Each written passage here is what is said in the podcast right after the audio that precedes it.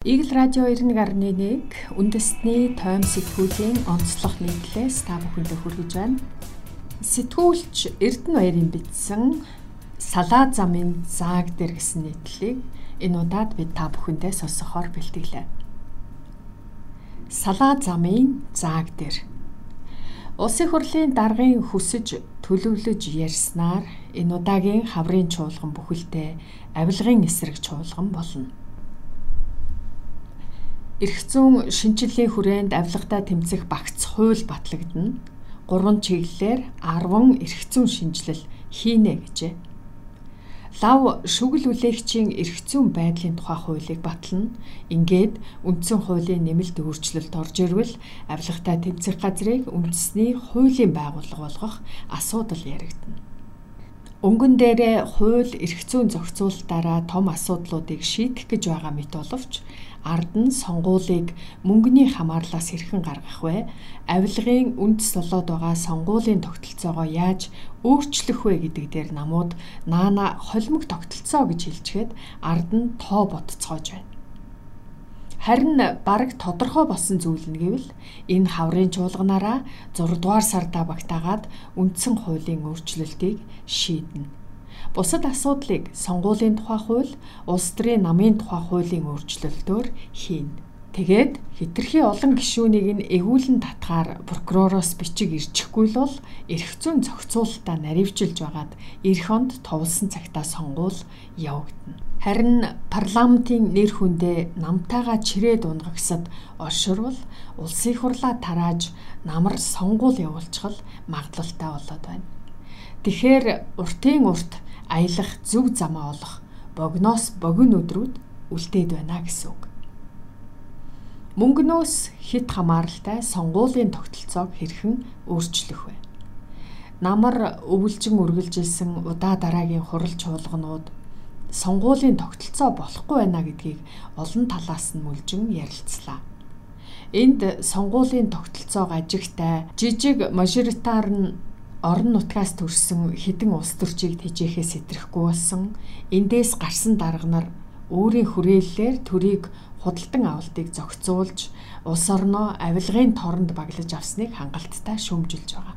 Ингээд ард түмэн эрх мэдэлд удаан тухалж хяналт сул мөнгнөөс тааллаараа хүртэх хүсэлтэд дарганараасаа салахыг хүсэж байна. Үүний тулд сонгуулийн тогтолцоогоо өөрчлөх, цаашилбал ялсан нам бүр сонгуулийн хуулийг өөрчлөх боломжгүйгээр үндсэн хуульд зөвлөлчлөн оруулах ёстой юмаа гэсэн том дарцгийг олны бодол санааны ороод хатгалаа. Тэнд одоо холимог тогтолцоо гэсэн ерөнхийл бүрхэг саарл туг дэрвж байна.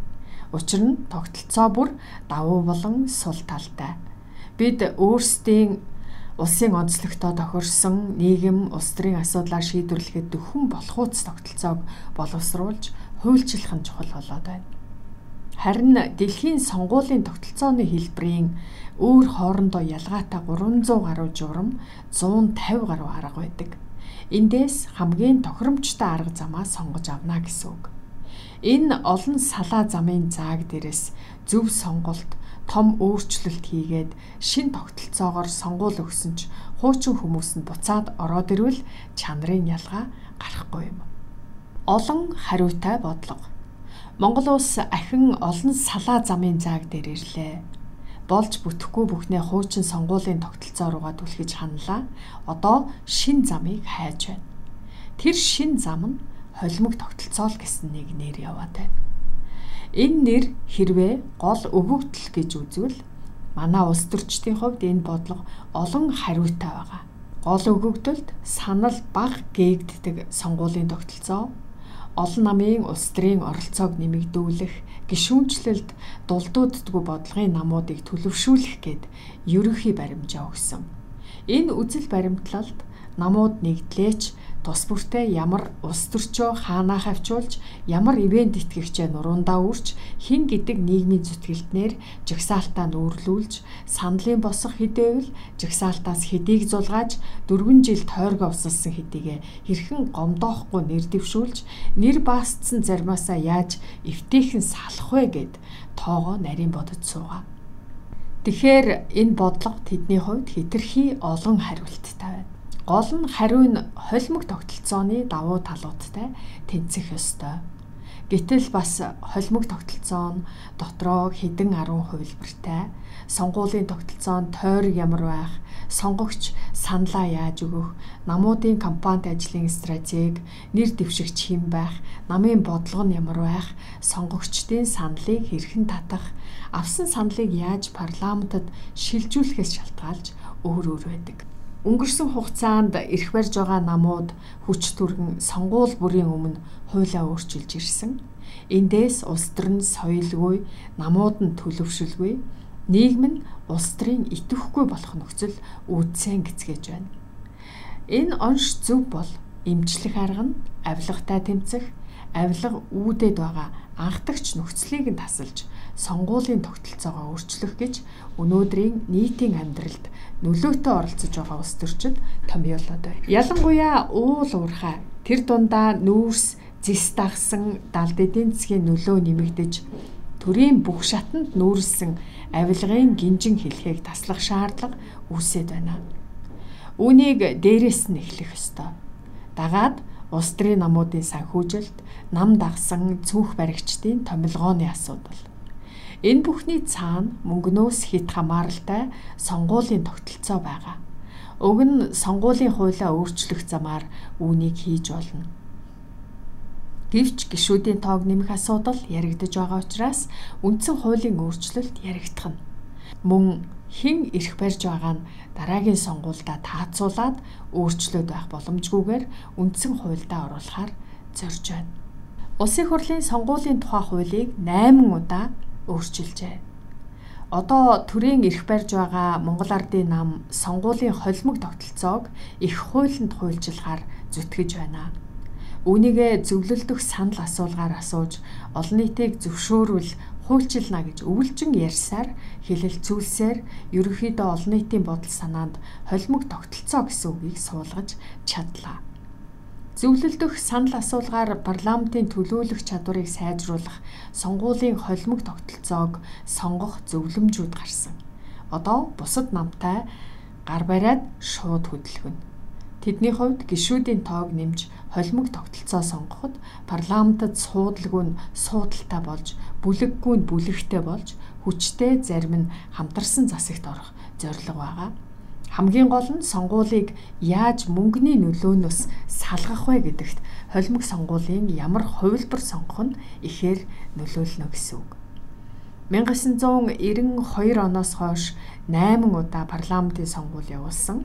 Үүнээс 1992, 2008, 2020 онд улсын хурлын сонгуулийг олон мандаттай олонхын тогтолцоогоор 1996, 2000, 2004, 2016 онд нэг мандаттай тойрог бүхий олонхын тогтолцоогоор 2012 онд улсын хурлын 48 суудлыг олон мандаттай олонхын тогтолцоогоор 28 суудлыг хувь тэнцвүүлсэн тогтолцоогоор явуулсан.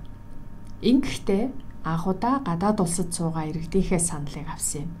Гэхдээ намууд хувь тэнцвүүлэх жагсаалтаа нийгмийн бүлэг, мэрэгжил, салбарын төлөөлөл биш тойрог аваад гарч ирэхгүй улс төрчдөө шахсан гэдэг.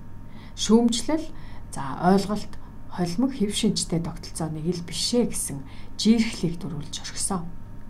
Орон нутгийн сонгуульд бүр тойрогтч жагсаалтад ч нэрээ бичүүлээд тойрогт унаад намын жагсаалтаараа гараад төлөөлөгч болчихсон хүмүүс ч байгаа. Ерөнхийдөө өнгөрсөн 30 жилийн турш сонгуул явуулахдаа олонхын тогтолцооны хувилбаруудыг сонгосоор ирсэн. Гэхдээ энэ хугацаанд олонхын тогтолцооны сул талууд даймжирсаар нутагшсан гэж хэлж болоход болно. Намууд төлөвшөөгүй, намын систем тогтворгүй, сонгогчдын сэтгэл зүйд сөргөөр нөлөөлдөг, иргэдийн төрд итгэх итгэл суларсан, сонгуульд их мөнгө зарцуулсан нь ялдаг, муу жишг тогтож, эцэстээ улс төрийн соёл хандлага төлөвшөх биш, муу соёл болж тогтоод байна.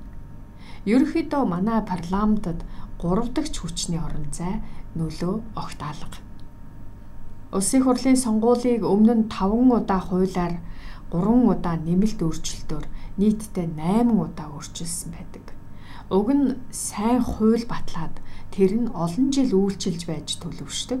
Төлөвшөж тогтоодгүй үмэн нь өөрөө улс орны бужигнааны их үйсвэр болжээ гэх дүгнэлтийг өнөөдөр олон улс төрж ярьж байгаамаа. 50-ыг харьцах 50 хувиар хослуулж өөрчлөх санал. Цаашид улсын хурлын сонгуулийг олонхын болон хувь тэнцвүүлсэн тогтолцоог хослон явуулах нь парламентын чадвах сайжрах, улс төрийн нам төлөвшөх, гадаадад байгаа иргэдэд саналаа өгөх боломжтой болж эмэгтэйчүүд, залуучуудын төлөөлөл болон сонгогчдын боловсрал нэмэгдэх ач холбогдолтой гэж байгаа. Ийм олон сайн талтай бол яагаад олон сонгуулийн өмнөний холимог тогтолцоогоо сонгоод сайжруулад нутагшруулаагүй юм бэ гэдгийг асуумаар байна. Буруут нь өнөөдөрч шинчлэл ярьж байгаа хуучин намуудын тухайн үеийн улс төрийн шийдвэрүүдтэй холбоотой.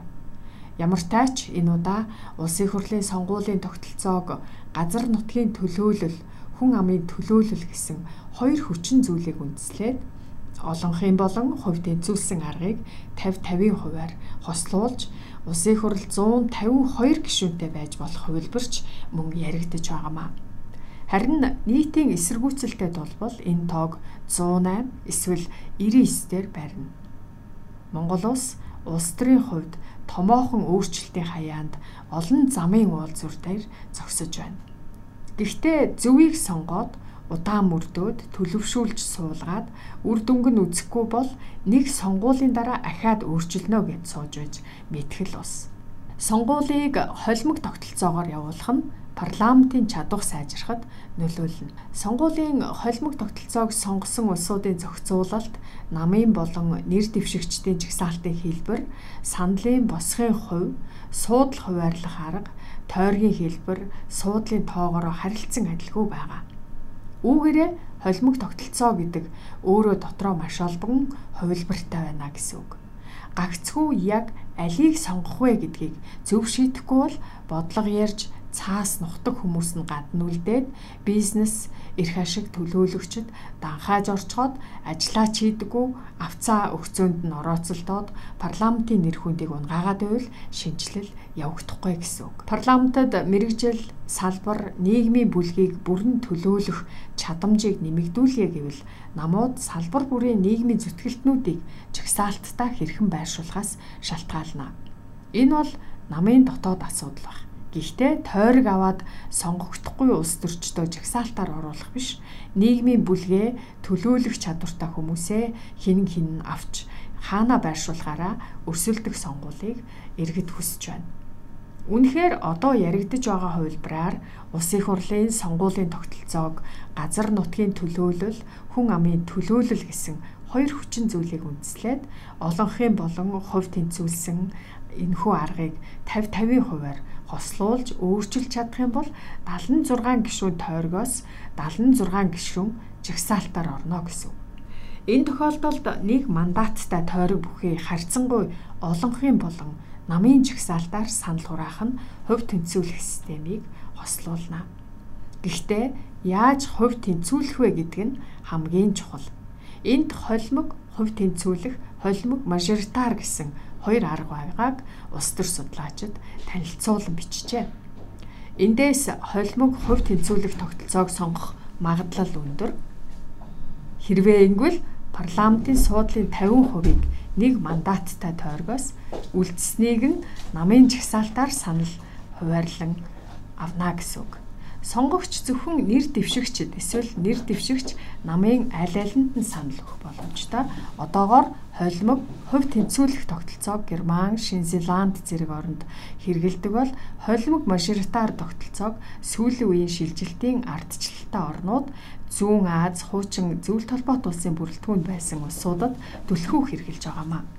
Тэр дээр намирч байгаа холимог тогтолцоо гэсэн дарцганд аль тийш хийсэх олон зам байна алийг сонгохоос очих цэг нь шалтгаална. Монголчууд зөв замаар алхаж яваа хүн буруу замаар гүйж яваа хүнээс төрүүлж оргилд гартгаа гэцгээдэг. Харин одоо ааж уужуу алхаад хөрхөө будилж цойлж гүгээд явах уу гэдэг нь энэ олон салаа замын алийг сонгохоос нь шалтгаална. Игэл радио 91.1 үндэсний тойм сэтгүүлийн онцлог нийтлэл сэтгүүлч Эрдэнэ хоёрын бичсэн Салаа замын зааг дээр гэсэн нэвтрэлийг та бүхэндээ